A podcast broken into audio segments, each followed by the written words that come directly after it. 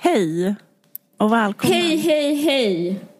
till en Vargsexen podd som görs i Ja. samarbete med Aftonbladet Kultur. Yes, det är vi glada för. Mm. Jag känner mig... Uh, jag tycker det ska bli spännande att podda idag. Varför? Jag vet inte, jag känner mig pirrig. Okej, Ja. kul. Du känner inte alls så kanske? Ehm, jo, jag känner det mer nu när du sa att du gjorde det.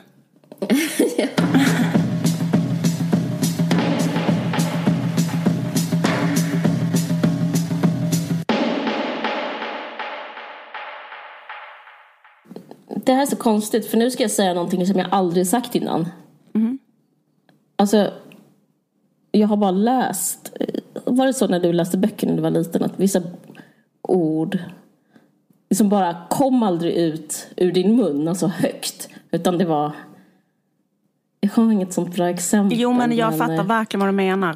Ja, Man, man, eh, jag tyckte ofta att man typ så här kanske, vissa ord som man hela tiden läste fel, tyckte jag när man var liten, till exempel, att man kunde tro att någonting hette någonting. För man har aldrig provat säga det, man har bara läst det hela tiden. Så man säger det Typ som att man skulle kunna tro att det hette garderob. Men, men jag menar nu ett svårare ord som man aldrig har hört. Kanske. Precis. Eh, ja men jag vet inte. Men ett ord som är så, mm, som man bara läst men, men aldrig fått, liksom, fått luft från ens mun innan. Men nu ska jag säga ett sånt ord, alltså det är ett namn. Eh, ja, Yahya Hassan. Jag har bara läst hans namn. jag också. Jag inte det jag har aldrig sagt det. Så jag bara sagt, och när jag läste har jag alltid sagt jaja, jaja san. Så att det kan, jag uttalar säkert det fel. Men det är därför. Men jag har läst det väldigt, väldigt många gånger.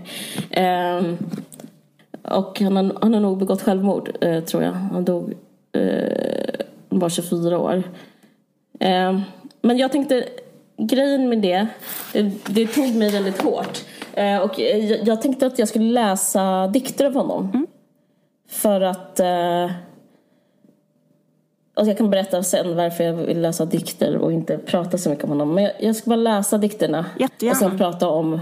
Ja, sen ska jag prata om varför. Okej, nu börjar jag. Jag börjar en, med en favorit som heter Parabol. Vi hade inga danska kanaler. Vi hade Al Jazeera. Vi hade Al Arabia. Vi hade inga planer. För Allah hade planer för oss. Pappa tog med mig till moskén under den hela, heliga månaden. Varje kväll efter maten bad vi. Vi bad tills vi inte längre kunde stå på våra ben. Vi bad och vi bad och jag fick en cola och en KitKat. Han blev en annan i moskén. Gudfruktig och öm. Jag satt mellan hans ben, lutade mig bakåt mot hans överkropp. Det var då, medan imamen predikade, som han kysste mig. När vi körde hem ramlade jag ur bilen. Jag trodde han skulle parkera, men jag öppnade dörren i en ursväng. Nästa. Barndom. Fem barn på rad och en pappa med en påk. Fler gråteri och en pöl med piss. Vi sträcker växelvis fram en hand för förutsägbarhetens skull. Det där ljudet när slagen träffar. Syster som hoppar så snabbt från den ena foten till den andra. Pisset i ett vattenfall längs hennes ben. Först den ena handen fram, sen den andra. Tar det för lång tid träffas slagen godtyckligt. Ett slag, ett skrik, en siffra, 30 eller 40, ibland 50. Och ett sista slag i röven på väg ut genom dörren. Han tar bror om axlarna, rätar upp honom. Fortsätter med att slå och räkna. Jag tittar ner och väntar på min tur. Mamma krossar tallrikar i uppgången samtidigt som Al Jazeera TV transmitterar hyperaktiva bulldozer och förbittrade kroppsdelar.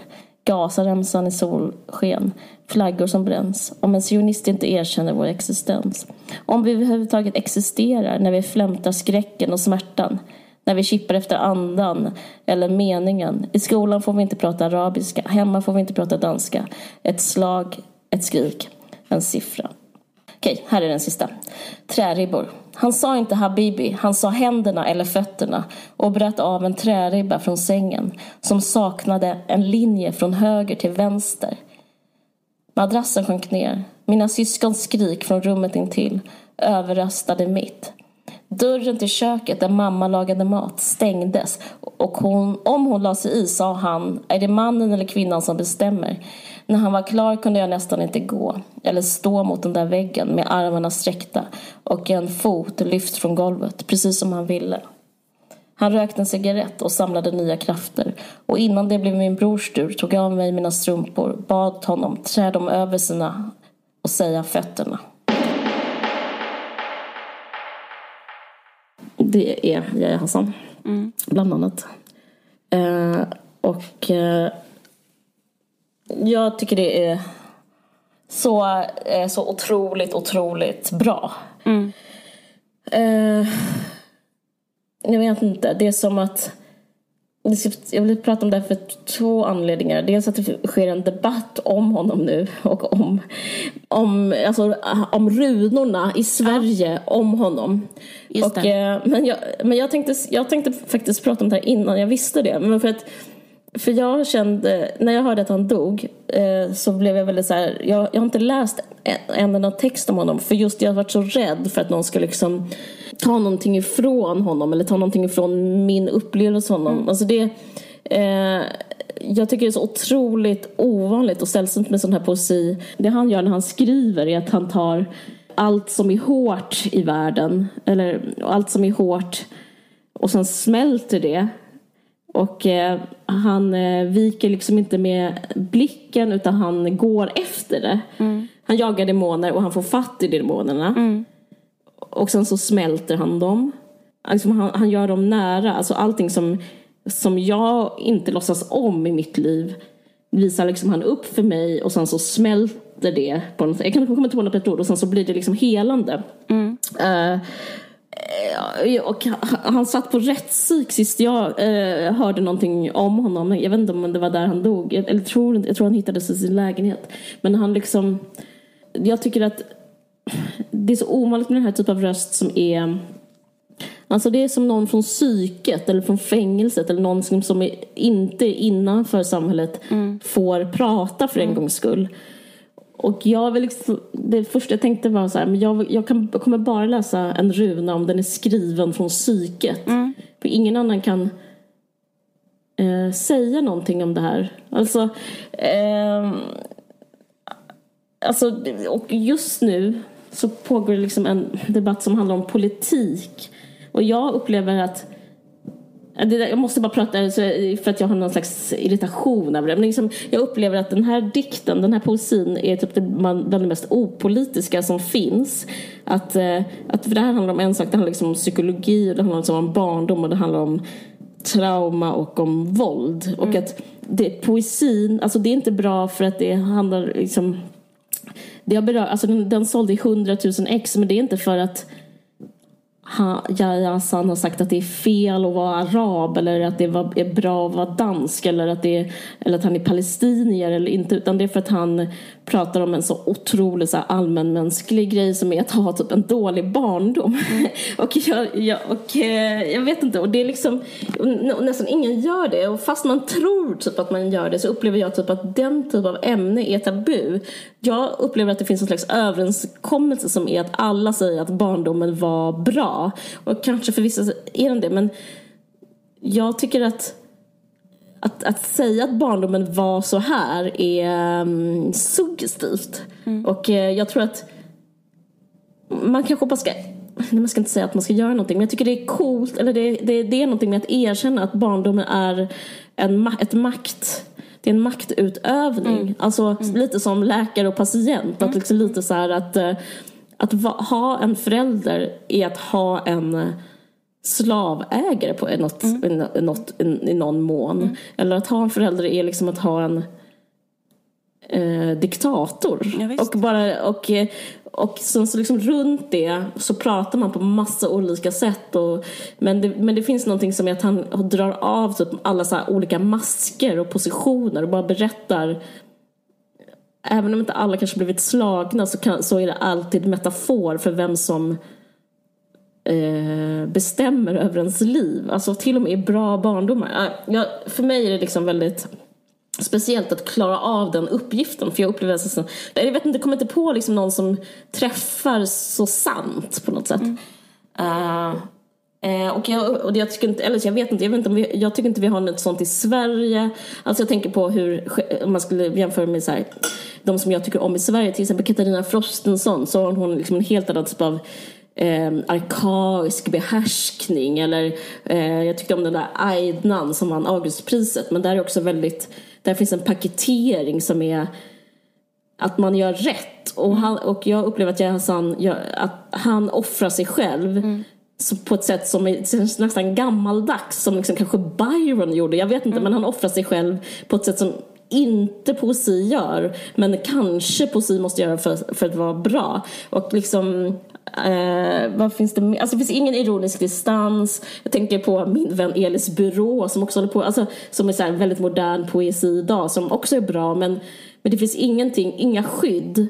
Um, jag tänker på, ja. Ja, precis, men jag tänker på det där att det känns som att han, alltså när man skriver sin barndom på det sättet, det är verkligen det säger ja. att han offrar sig själv. För när man gör det då offrar man allt. Liksom. Att han beter sig som någon som inte har någonting att förlora. Alltså, alltså han eh, liksom skyddar ingenting. Alltså, på något sätt. Och, eller så här, och, och eftersom ens barndom är en själv och ens mamma och pappa är ens mamma och pappa. Liksom. Ja. Så blir det som att han... Eh, ja, det är, som att, det är som att offra allting. Liksom, ja, för, för, att göra de här dikterna. Liksom. Och även alltså, också för att han råkar tillhöra då en, um, en grupp i samhället som omgärdas av olika mm. typer av fördomar och idéer. Mm. Så offrar han också den gruppen så han offrar också, mm. eller liksom han, han, eh, så att det är liksom en sån här um, det är, en, det är en total... Uh, liksom, Eller offra, nästan... han riskerar Han riskerar liksom att, liksom, att offra den. Alltså, jag, det, han svarar på det själv som att till exempel skrev Athena Farrokhzad, när, när den här, hon recenserar den här eh, den här diktsamlingen, den kom 2013. Mm. Mm. Eh, då skrev hon faktiskt rätt så intressant eh, i sin recension i Aftonbladet att eh, hans bok att hon också har en erfarenhet av patriarkalt våld i en intim värld. Men för henne så är det omöjligt att skildra dem i en vit offentlighet. Mm. Alltså, så, och då, det här är så underbart för man kan ju nästan aldrig få svar på tal från den det berör. Mm. Men den här underbara, min idol Elisabeth Åsbrink gjorde en intervju såklart för hon är så underbar. Så hon gick eh, med Yahya Hassan och frågade honom mm. så här, vad tycker du om när man säger så? För att mm. jag, nu när jag satt och letade, jag ska snart säga, jag satt och letade på nätet för jag vill bara förstå honom eller förstå vad det här är. Mm. Eh, Lisa Magnusson skrev en text igår om att Yahya Hassan, att nu kommer folk projicera sina olika politiska eh, sin politik eller sina åsikter på honom. Mm. Och, det, och grejen, jag kan förstå, det är typ en rätt så smart tanke men det jag tyckte var obehagligt med den texten var att den avsjälade det poetiska mm. i poesin mm. som, som om att det fanns en rätt typ så här, ja men han är, säg att han var en pro-palestinier. Alltså det, det, det kanske han var men han, framförallt så var han eh, eh en annan P.O. Enquist. Alltså, ja, ja. Framförallt så ja. var han en, eh, så att, att, att, skriva en text som nu så här, inte eh, utgår från poesi utan mm. utgår från eh, politik eh, kändes vulgärt. Mm. Så jag bara, men jag bara, det här kan inte stämma typ. Mm. Eh, så därför läste jag den här, kom jag över den här texten och då, då är liksom rubriken så här, eh, det är inte min uppgift att tolka vad andra upplever av min poesi. Mm. Och, det, och det är ju så det är ju. Mm. Och på det sättet har Athena rätt att vara helt sjuk i huvudet och säga så här. Eh, för hon sa att han var rasist själv och sådär. Mm. Och det mm. kan hon få säga. Men, eh, och nu så säger hon i en ny runa att eh, det här handlar om klassamhället. Men Ja, jag, jag tror verkligen det handlar om klassamhället eller eh, någonting. Alltså, för mig handlar det bara om smärta. Och, mm. eh, eller så handlar det om någon som kan berätta om smärta. Mm. Det handlar om produkter, alltså det handlar om poesi. Skitsamma, när han, när han, när han fick svara då, Elisabeth Åsbrink, säger han så här hon bara, ja men Athena skrev en recension eh, om att hon har erfarenhet av patriarkalt våld men att hon inte vågade skildra dem på grund av att vi lever i en vit offentlighet. Då svarar han sånt här. Ett sånt resonemang tycker jag är rasistiskt, säger Yahya Hassan. Att hålla tyst om sina erfarenheter för att hon befinner sig i en så kallad vit offentlighet. Att kalla det ansvar. Jag tar ansvar genom min bok. Hon tar inte ansvar om hon skyller sin självcensur på ett vitt samhälle.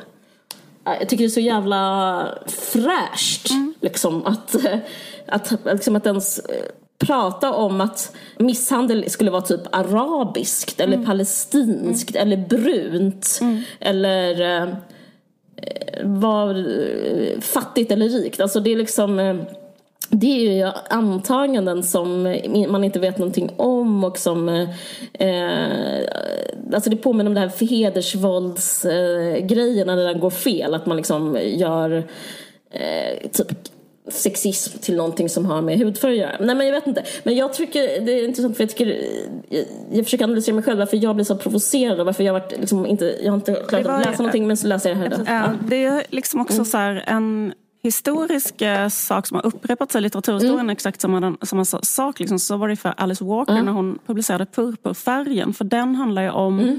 att, eh, att det fanns jättemycket våld eh, och också så sexuella övergrepp och den typen av saker i hennes liksom, familj. Och eh, då liksom, eh, var det demonstrationer liksom, bland andra människor i den svarta communityn som inte tyckte att svarta författare skulle skriva om sådana saker. För att det skulle Mm. hindra medborgarrättsrörelsen. Eller liksom att det skulle svartmåla Mm. Man fick, inte, man, man fick inte berätta, man fick inte tjalla på, Nej, exakt, på den på gruppen. grupp. Men så upplever jag feminismen haft samma Ja, problem. Att man liksom samma. måste ha, men man får inte tjalla att typ en kvinna kan vara dålig. Ja. Fast egentligen är ju det själva förtrycket att inte vara, få vara en hel människa. Absolut. Men, att hon men grejen vara- är att det inte liksom heller riktigt Athenas fel eller Lisa Magnussons fel.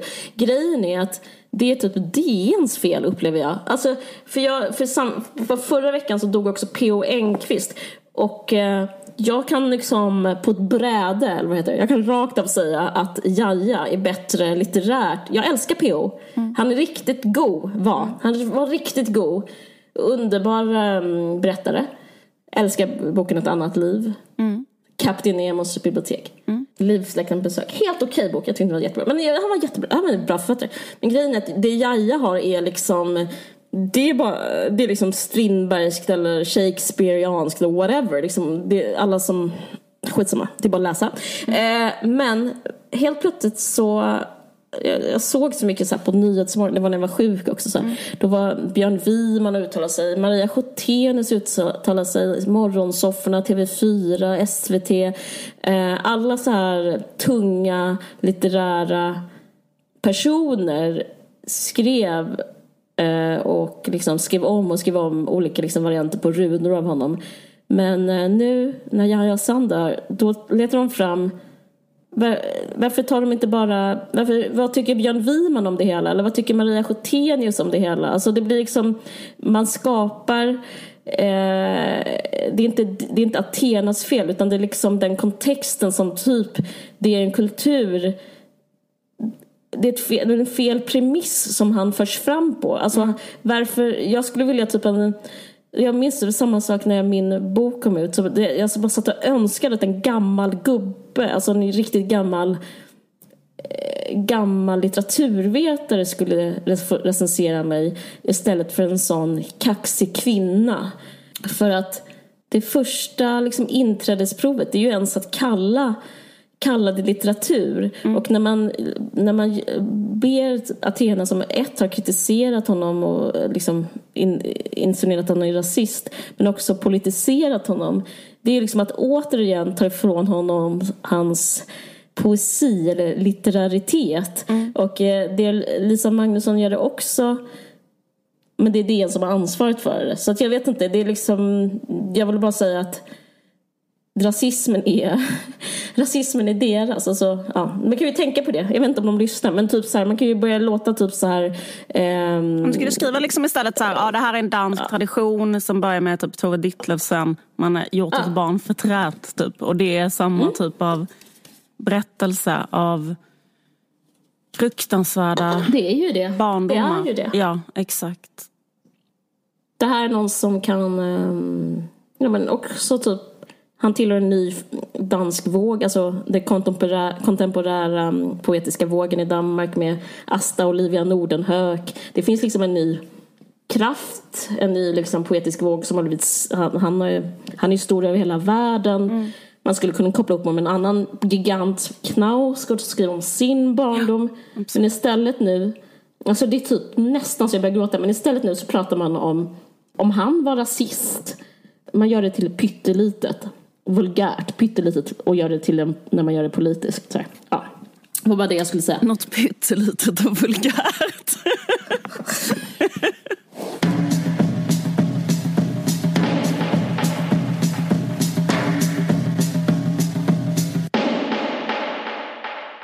Jag läste en uh, intervju med uh, Björn Ulvaeus, den gamla ABBAn, mm. i DN.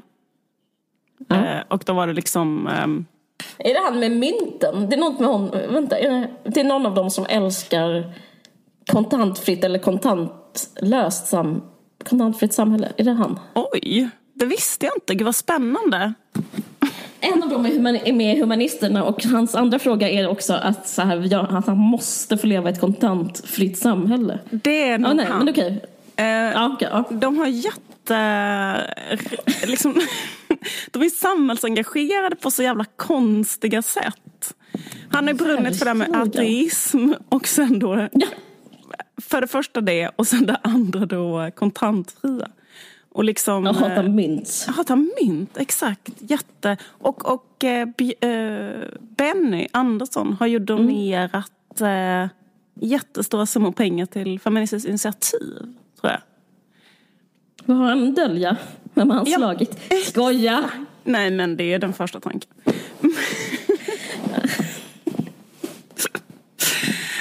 um, Nej, men jag ska läsa några citat från eh, intervjun med Björn Ulvaeus. För det var liksom uppslaget väldigt stort som att det här ska vara liksom en tell it all-intervju där det ska komma fram olika saker om hur det egentligen var i ABBA och sådana saker.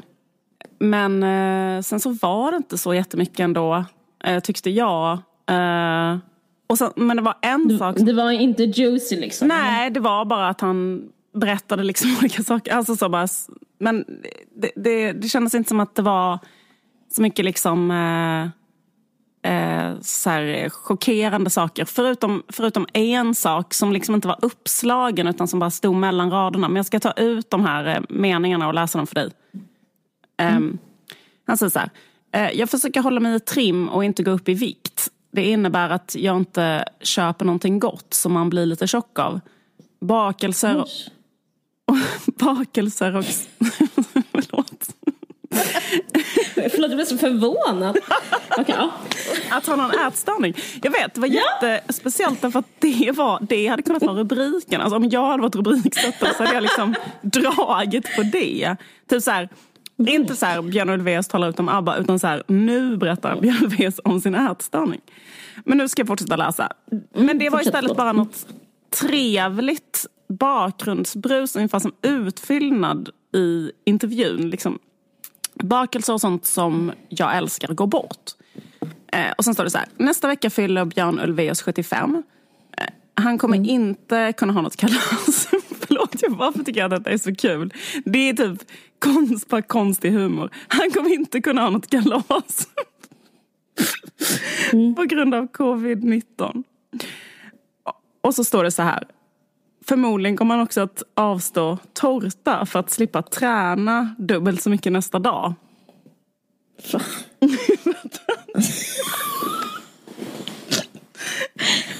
Va? Nej, men han... Rakt, som en sån tjej, rakt av en ätstörning. Mm, precis. Han liksom kan inte ens äta en bit tårta när han fyller 75. Han kan inte ha ett kalas. Och han kan inte liksom äta en bit tårta för att han då liksom i så fall skulle få så mycket ångest att behöva träna mm. liksom dubbelt så mycket. Uh, och han bor liksom på en ö i, uh, mm. på Djursholm, alltså en privat ö. Så att mm. han, uh, han har liksom otroligt mycket pengar såklart och bor på denna privata ön och sånt. Och sen är han då 75. Sen berättar han om ett minne. Han berättar om ett minne att efter att han hade kommit hem från vinsten i Eurovision Song Contest. Mm. Agneta låg och sov Björn berättar så här. Jag gick upp och ställde mig i kalsongerna och tittade på mig själv i en stor spegel vi hade och tänkte så här kan det ju fan inte se ut om du är popidol. Jag hade lagt på mig som fasen då.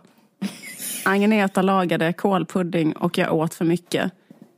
Jag var lite sådär lönn, lönnfet kan man väl säga. Det ser man på bilderna från Eurovision Song Contest. Jag är som en stoppad korv i byxorna. Jag ska bara Men skicka, jag, skick, jag smsar dig nu en bild. För jag var tvungen att Ja. bildgoogla så här, hur såg han ut Ja. under Eurovision. Nu ska jag se om du får du den här bilden nu. Jag tror jag minns. Jag, jag börjar föreställa mig honom när du sa så. Mm. Nej. Han är... Visst är sjukt? Förlåt, men vem är... Jag, jag vet, jag, känner- det här är inte för att vara kul, men vem är Björn och Be- Nej men det är han med Benny är- gul, det är han med gul eh, liksom tröja. Så han är ju Okej, jag kan berätta för lyssnarna. Han är, han är supersmal. han är, alltså, han är liksom väldigt smal. Han är anorektisk redan där. Han, har så smal hals och så som anorektiker har. Men det sjuka också att är det någon som är lite rund i liksom ABBA av de två så är det ju Benny Andersson. Alltså, och då tycker jag också det är lite grovt av Björn Ulvaeus att så här, prata hela tiden om hur tjock han är och hur tjock han ser ut i ABBA. Alltså förstår du? Att det blir så konstigt när den smala i ABBA, den smala killen i ABBA ska hålla på och prata om att han är så tjock. Så konstigt. Sen tänkte jag också på en annan sak. Att han, lever liksom, han pratar jättelänge om att han lever i karantän på den där ön. Och att han verkar liksom jätte, jätte, jätte rädd för covid. Eh, och att hans fru bara går till mataffären en gång om dagen. Då har hon på sig plasthandskar och munskydd. Och att, hon, liksom, att han verkade så otroligt rädd. Fast nu, han bor ändå på en ö själv. Alltså, och då tänkte jag, undrar om det också hänger ihop med hans liksom, felaktiga självbild. Typ att han tror att han är i riskgrupp. För att han tror att han, Ja. är, att han har fetma. Fast han är en jättesmal gubbe. Alltså han är liksom... Ja, han har läst att om den här bukfetman, att den är, den kan trycka på lungorna. Så han har ju rätt i sin förvirrelse. Ja, fan vad sorgligt. Mm, Men han har liksom en helt platt mage. Vilket är nästan så här... Jag trodde inte det ens gick att vara en sån 75-åring och bara vara helt... Ha så typ en... Vad heter det? Konvex? Eller konkav? Ja. mage. Nej, det är, det är inspirerande om inte annat. Att, eh, Man kan vara så smal som Björn Ulvaeus. Jag vet. ja, verkligen, verkligen. Eh, Men- jag, känner mig, jag känner mig lite så här uppiskad av det här. Om han kan, kan jag. Ja, att, Han är verkligen smal. att, bli så, att vara så smal vid 75. Ja. Men sen tänkte jag också på att de liksom, det här, alltså jag tänkte bara på någonting också med så här, hur det är med mäns och kvinnors liksom kroppar och så och hur han liksom, att, att han bara pratar i den här intervjun på det här sättet och det är liksom inte, det är liksom ingen rubrik som är så här, jag känner mig tjock eh, under hela tiden jag var med i ABBA. Och det är liksom ingen Ja, men som... Den skulle kunna vara typ så här, eh, rubriken skulle kunna vara så här, varje dag sedan vår, vi slog igenom har jag inte kunnat se mig i spegeln. Det hade jag, alltså du Ja, vet. precis. Eller så här, varje Ja. dag tänker jag på att inte bli tjock. Varje Mm. dag håller jag igen för att jag inte vill bli tjock eller sånt där. Men grejen Mm, är att han säger, och, och han säger också så här att han går till en psykolog jättemycket. Han har gått jätte, jätte, jättemycket terapi. Men att han inte kan säga att han älskar sig själv och sånt. Liksom. Alltså, han, har jätte, liksom, det är inte alls, alltså, han mår inte alls särskilt bra. Men grejen är att det är liksom ingen... ehm, det, det är liksom inte alls problematiserat. Alltså i texten så är det, alltså när, när en gubbe är på det här sättet så är det liksom väldigt mycket att det bara är trevligt. Alltså det är typ så här, det där skriver de bara som en slags utfyllnad. Alltså så här, haha. Det, det blir liksom inte, den stora berättelsen om honom är inte att det är tragiskt. Förstår du vad jag menar? Nej. Utan han är bara liksom en jätterik gubbe och det går jätte, jätte, jättebra för honom och det har han haft en otrolig karriär och bla bla bla och han äter inte tårta för att han är så fitt. Och alltså det är liksom inte alls, ehm, det är inte något sorgligt liksom när man berättar om det. Nej. Eh, Hur menar du att det skulle vara om det var en kvinna? Ja, men jag tänker så här, tänk om det hade varit en intervju med typ så här, eh, Robin kanske eller en sån person som har också en så här internationell karriär och är jätteframgångsrik. Och sen om man skulle göra en stor intervju med henne och hon sa så här, ehm, jag ska fylla år men jag kommer inte äta någon tårta för att eh, då måste jag träna dubbelt så mycket nästa dag. Jag, eh, när jag såg mig själv i videon till eh, Dancing on my own så kunde jag bara tänka det där ser ut som en stoppad korv. Jag, eh, alltså förstår du, om hon hade sagt sådana saker. Mm. Men i alla fall, och då tänkte jag så här, för så är det ju. Alltså jag menar, det så är det för alla människor. Alla människor har ju de tankarna. Exakt så tänker ju 100% av alla människor som ser sig själva på bild tänker ju så om sig själva. 100% av alla människor tänker så när de ska äta tårta. 100% av, alltså förstår du vad jag menar? Så det är, inga, det är inget konstigt. Mm, nej. Men kvinnor får inte säga det. Liksom. nej. För det, då- det är male ja. privilege. Exakt. Så det är ett male privilege att liksom inte behöva leva dubbelliv. ja. Och att, och att inte liksom behöva så här, ljuga om sina känslor. För liksom, om hon skulle ha sagt så, typ så här, jag, jag älskar inte mig själv. Eller något sånt där. ja. Då hade det varit så här, fan vilken liksom, tragisk människa för det första. Gud vad hemskt. Eller tänk om Lill Lindfors hade sagt. Men för framförallt skulle hon väl vara mycket svagare. Alltså hon skulle ses Ja. liksom som en, eh, som en svag människa. Men hans, han, vad jag förstår det så upplever man upplever inte att han är Nej. svag. Eller man gör väl det? Nej. Eller? Nej. Nej, men alltså, han är så Lite otroligt kanske. rik och lyckad. Han är hel. nå- Han får är- vara han är liksom hel. hel. Alltså, ef- eftersom han Ja, är så hel, rik, ja. han har sån otrolig karriär. Och det sista, alltså hela hans liv är helt underbart. Han är fruktansvärt rik, han har haft ett helt otrolig karriär. Han har skrivit liksom Mm. otroliga låtar. Som alla människor älskar, Mm. generation efter generation efter generation. Det tar aldrig slut med människor som älskar de låtarna. Nej. Och det sista jättestora privilegiet han har förutom det är att han också, han är så framgångsrik så att han också bara kan berätta öppet om sin ätstörning utan att någon för den skull eh, tycker att han eh, är lite eh, beklämmande eller eh, ömkansvärd. Och det är liksom kanske det sista, eller det liksom, alltså, i behovstrappan, det är liksom det högst upp att bara kunna vara så med sin ätstörning. Han behöver inte vara förebild till någon. Jag vet inte, jag tyckte det var intressant. Alltså good for him eller vad man ska säga. Men du har helt rätt. Eh, han är, han liksom är där med det högsta hönset på något sätt. Alla andra måste liksom låtsas att de inte har en ätstörning. Ja, men så är det verkligen. Man måste piskas till att eh, tycka det är okej att Det här hemliga rummet. det, det gör ingenting att, att jag ser ut sådär på den bilden. Men det är sant.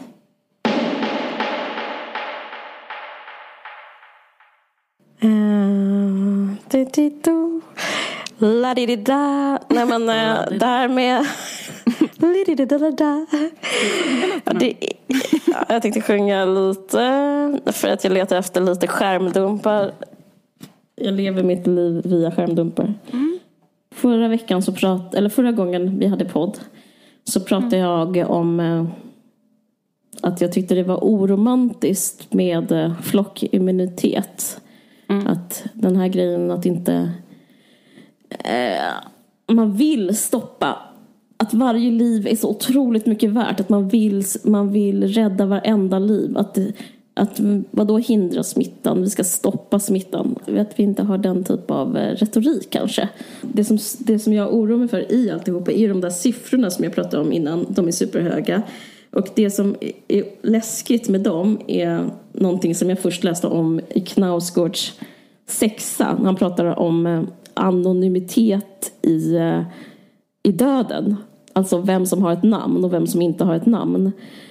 Det finns liksom en retorik i nyhetsmedia om att det bara är siffror.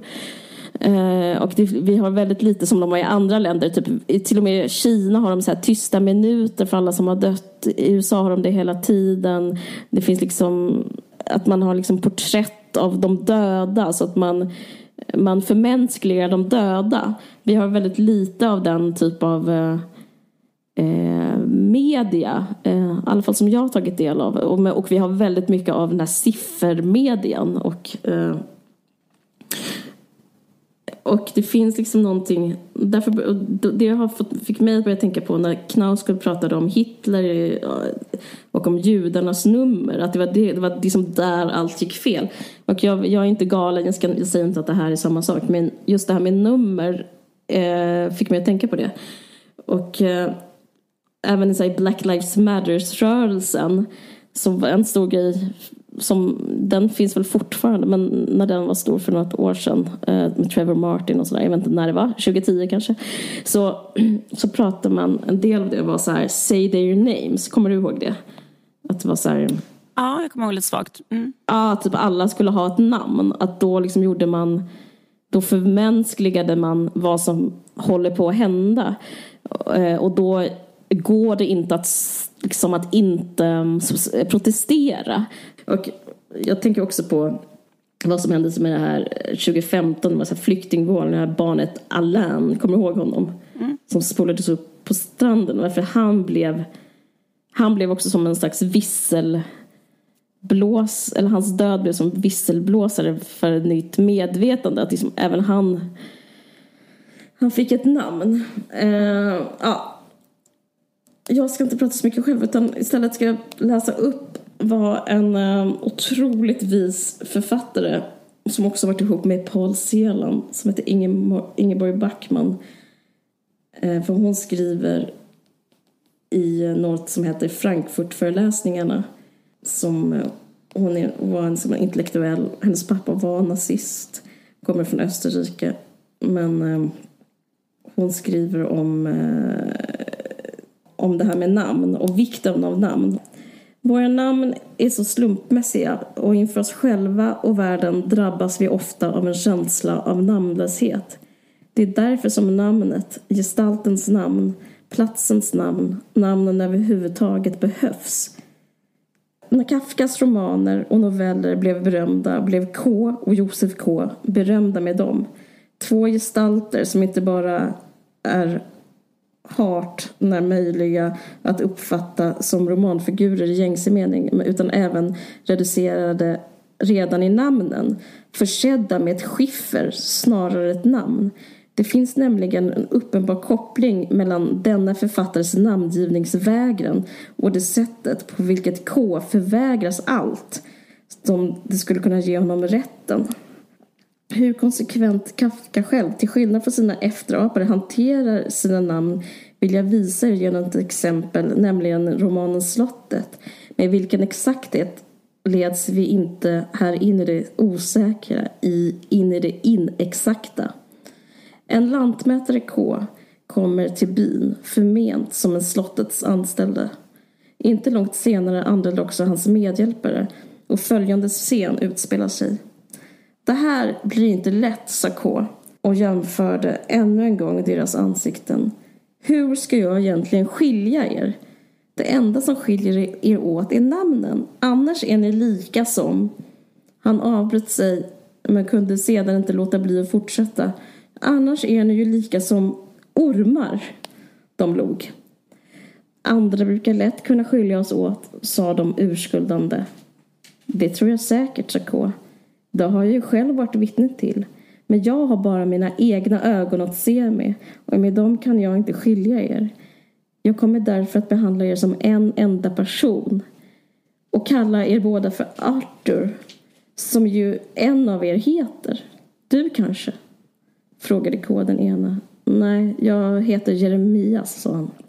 Det gör detsamma. Nå, sa K. Jag tänker kalla båda för Arthur. Skickar jag Arthur någonstans så går ni båda. Ger jag Arthur ett uppdrag så utför ni det båda. Ja. Wow. ja men tänk, det är otroligt, det är väldigt bra. Och så, det handlar liksom om eh, lite som att den med mest namn den som har, jag ska inte läsa upp hela essän, för den, men den som har mest namn som stannar i oss, som vi liksom refererar till nästan som att namnet är typ en del av ens liv. Typ som Emma Bovary vet vi alla vem det är. Mm. Eller Hamlet vet vi alla vem det är. Mm. Den är skyddad. Eh, och det går liksom inte att säga att den är på ett annat sätt än den är. Mm. Utan den är Hamlet. Mm. Det är inte till exempel Arthur, utan det är Hamlet. Mm. Ja, men anledningen till att jag tar upp det här är att den som har minst namn just nu är um, de här um, svensk-somalierna. Jag pratade om dem för några avsnitt sedan, men mm. jag läste en jätteintressant artikel i DN som handlar om hur det blev så. Man hade liksom en eh, jargong som, handlade, som förklarade att eh, när det var 15 döda i Sverige så var sex eller sju av dem svensk-somalier och vad som hade gått fel. Och då gick man ut liksom på Aktuellt och sådana etablerade medier och sa att det handlade om eh, brist på ehm, och, också på de här eh, Folkhälsomyndigheternas presskonferenser att det handlar om brist på information. Eh, och nu kom det en ny, en, eh, ett nytt gräv i förrgår i DN som handlar om det här. Så var det verkligen informationsbristen eh, handlade om eller var det något annat? Och grejen, alla som känner en enda invandrare vet att de har typ tio paraboler. Förlåt. Eh, funny cause it's true. Nej men det är liksom, är det någonting de håller på med är att liksom hela tiden ha hållit en TV igång. Det är liksom invandrarkultur. Eh, man har jättemycket TV-apparater och man håller på att läsa allt. Kanske för att man känner sig utanför samhället.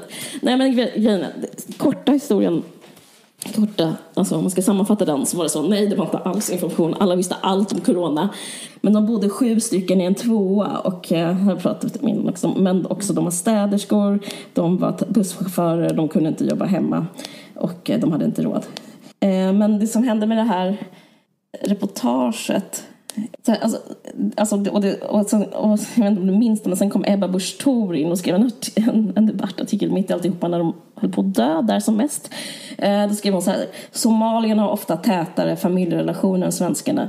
De är uppfostrade i en omgivning där man inte nödvändigtvis litar på myndigheter. Analfabetismen är utbredd Eh, för svenska förhållanden och somalierna har inte samma tradition av skriftlig information eller medicin, skriver Ebba Busch. Ja, det satt de liksom och läste där medan deras liksom nära och kära höll på att dö. Um, och de, men, men eh, nu är en av dem intervjuad. Han säger så här till DN. Ebba har inte pratat med oss. Jag förstår inte hur en makthavare som hon kan hänga ut en grupp på det sättet som hon gjorde. Säger Ahmed Kabole på Somaliska ungdomsförbundet. Ja men det är just den grejen att um, de blir en grupp så himla mycket mm.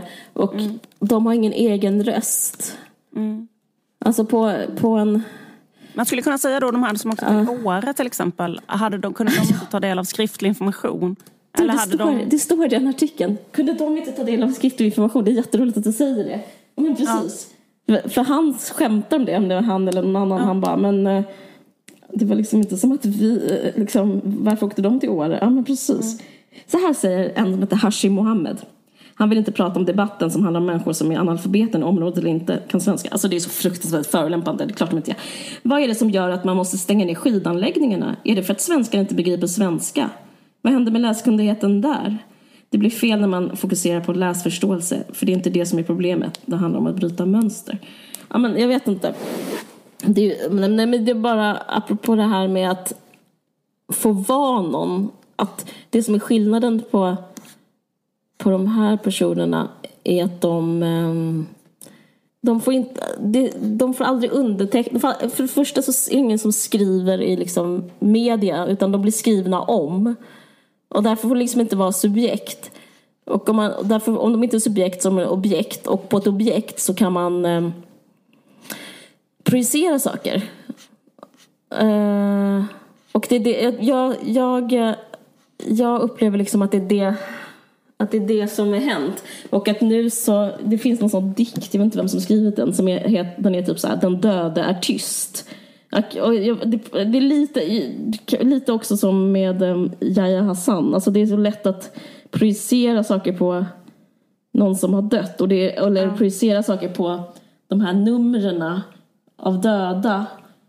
Alltså jag får liksom någon slags dagdröm att alla de här numren bara ska eh, resa sig, liksom återfå sitt liv, säga vad de heter och säga vad de tycker om alltihopa. Nu vet inte jag alls hur många nu som, det kanske liksom har blivit en jätte det kanske är jättejämställt men det man vet om USA i alla fall att det är liksom afroamerikaner alltså att det är, träff, det är de som dör av det här att det har med samhällsklass att göra och att eh, det har med eh, det är liksom arbetarklassen som dör. Alltså de fattiga dör och de rika överlever. Och det som, är, som man kan säga om svensk-somalierna är inte att de är analfabeter utan att de är eh, arbetarklass och fattiga. Men jag bara känner... Och ett sätt att kanske ta bort det är att kanske börja ge dem namn. Man kanske ska sluta med, inte sluta med siffror, men liksom försöka så här förmänskliga lite vad som händer. Jag tycker det känns rätt så svenskt också att bara så här... Det känns så kallt förhållande. Alltså det är liksom... Jag tycker man har för få människor som skriker i desperation. Vi är snart uppe i 3000, de dör. Det, det, alltså, jag vet inte. Jag tycker det är panik på ett plan som, är, som, jag inte, som inte återspeglas liksom, i media. Mm.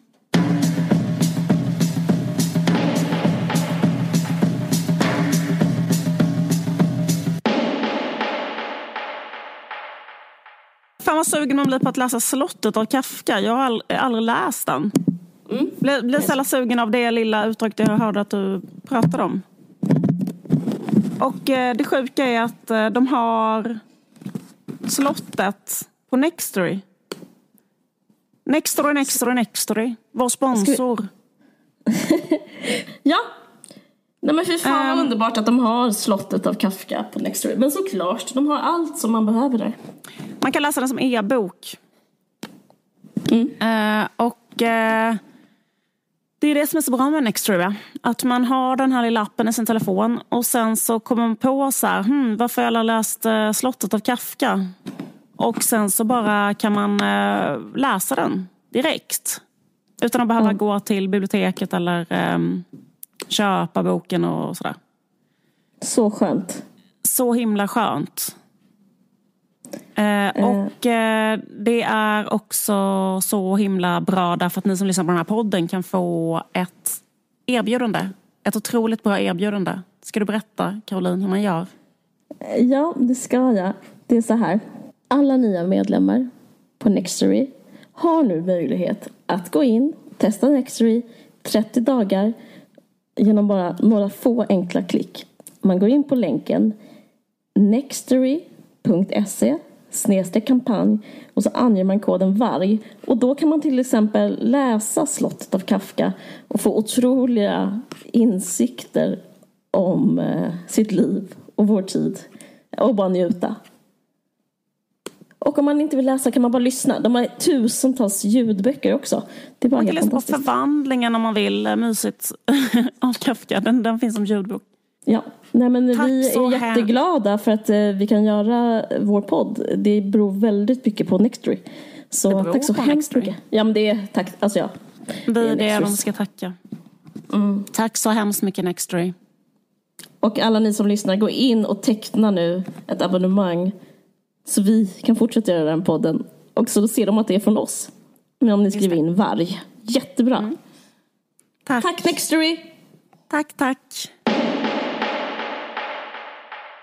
Vi vill också säga tack till Aftonbladet Kultur och eh, tack till alla som lyssnar. Och så hörs vi igen om två veckor.